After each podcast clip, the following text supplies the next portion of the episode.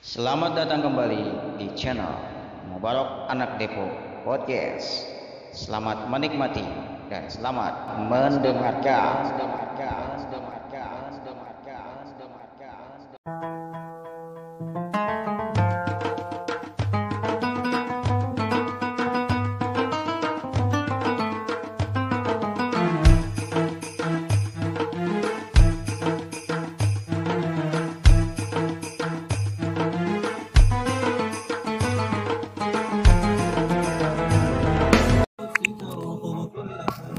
Assalamualaikum warahmatullahi wabarakatuh.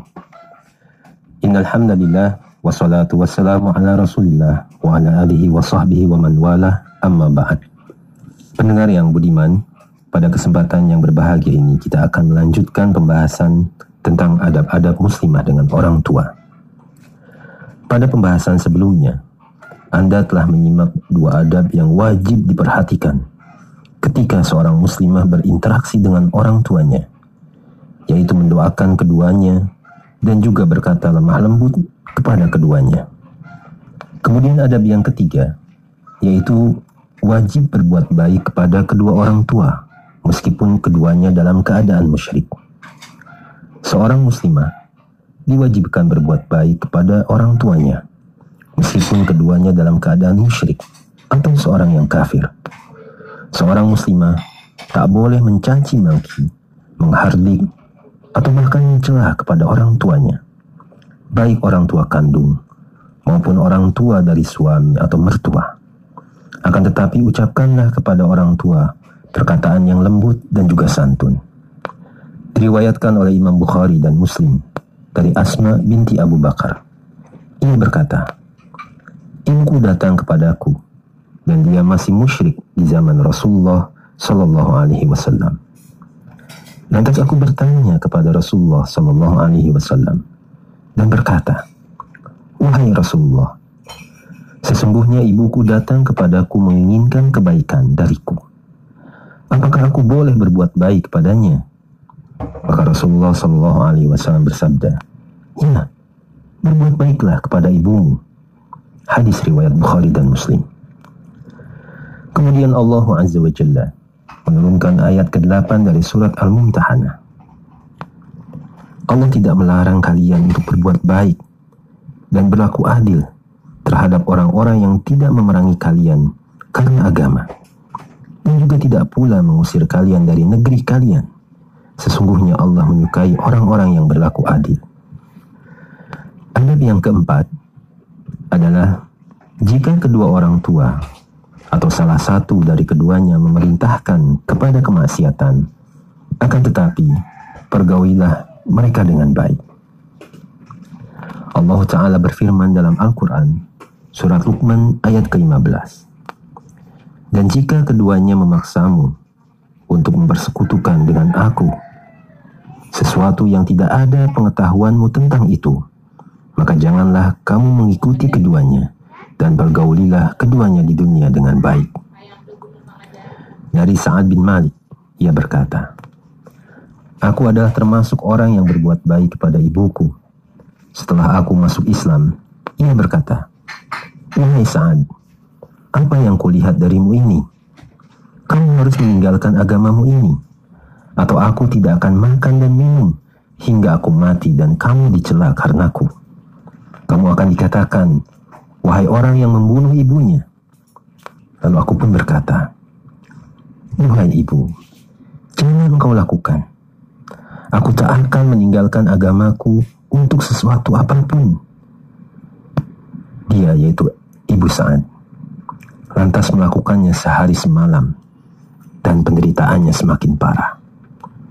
Ketika melihatnya demikian, aku pun berkata, Wahai ibuku, perlu engkau ketahui, demi Allah, andai engkau memiliki seratus nyawa, dan dia keluar satu persatu, aku tak akan meninggalkan agamaku karena alasan apa pun. Jika engkau mau, maka silahkan makan. Dan jika tidak mau, silahkan tinggalkan. Ketika melihat hal itu, kemudian ibunda saat pun makan. Hadis riwayat Tabrani. Karenanya, Tidak ada ketaatan kepada kedua orang tua dan selainnya dalam melakukan kesyirikan, kemungkaran, kesesatan, ataupun bahkan kemaksiatan. Rasulullah Shallallahu Alaihi Wasallam bersabda, tak ada kewajiban taat dalam rangka bermaksiat kepada Allah. Ketaatan hanyalah dalam perkara yang ma'ruf. Hadis riwayat Bukhari. Kemudian adab yang kelima adalah bakti kepada ibu lebih utama daripada kepada bapak. Seorang laki-laki mendatangi Rasulullah Shallallahu Alaihi Wasallam.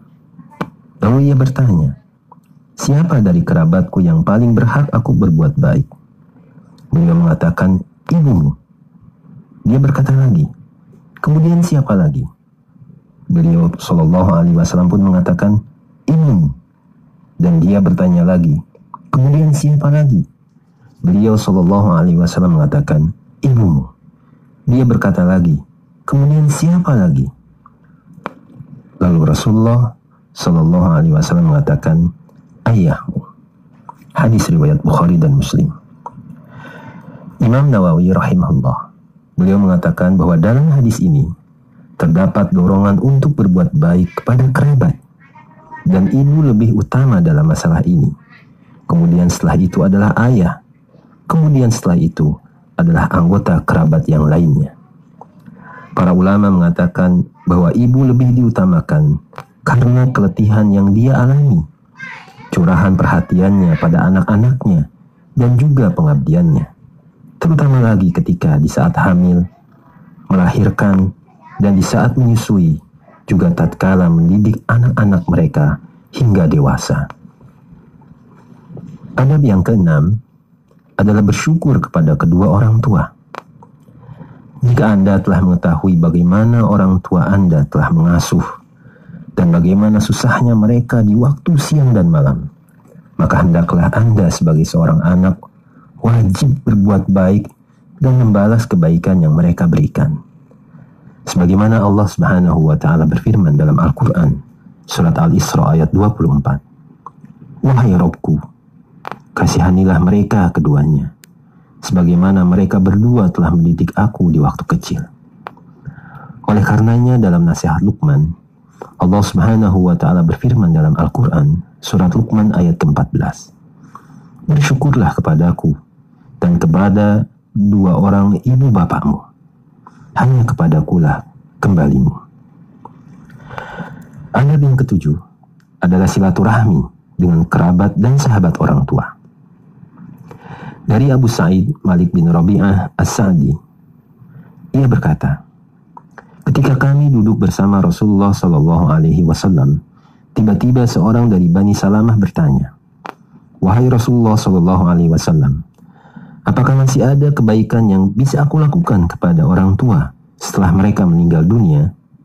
Rasulullah Shallallahu Alaihi Wasallam bersabda, ya, berdoa dan beristighfar untuk keduanya melaksanakan janjinya, dan juga silaturahim kepada orang yang pernah dilakukannya dan menghormati temannya. Hadis riwayat Abu Daud dan Ibnu Majah. Pendengar yang budiman, adab yang kedelapan adalah berdiri untuk menyambutnya. Diriwayatkan dari Aisyah radhiyallahu anha, ia berkata, Aku tidak pernah melihat orang yang paling mirip sifat dan perilakunya dengan Rasulullah Shallallahu Alaihi Wasallam melebihi Fatimah, putri Rasulullah Shallallahu Alaihi Wasallam.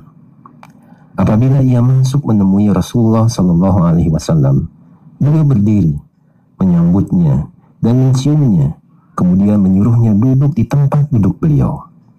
Begitu juga bila Rasulullah Shallallahu Alaihi Wasallam masuk menemuinya, Fatimah berdiri dari tempat duduknya, kemudian menciumnya dan menyuruhnya duduk di tempat duduknya.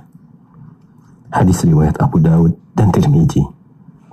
Semoga nasihat yang mulia ini berguna dan bermanfaat bagi para wanita muslimah, terutama bagi para istri-istri di rumah, untuk senantiasa memuliakan orang tuanya dan juga memuliakan orang tua dari suaminya atau mertuanya. Allah a'lam. فجرا ونحو القدس تنطلق الخيول. ستشرق شمسهم والطير يشري بنصرهم وقد فر الدليل.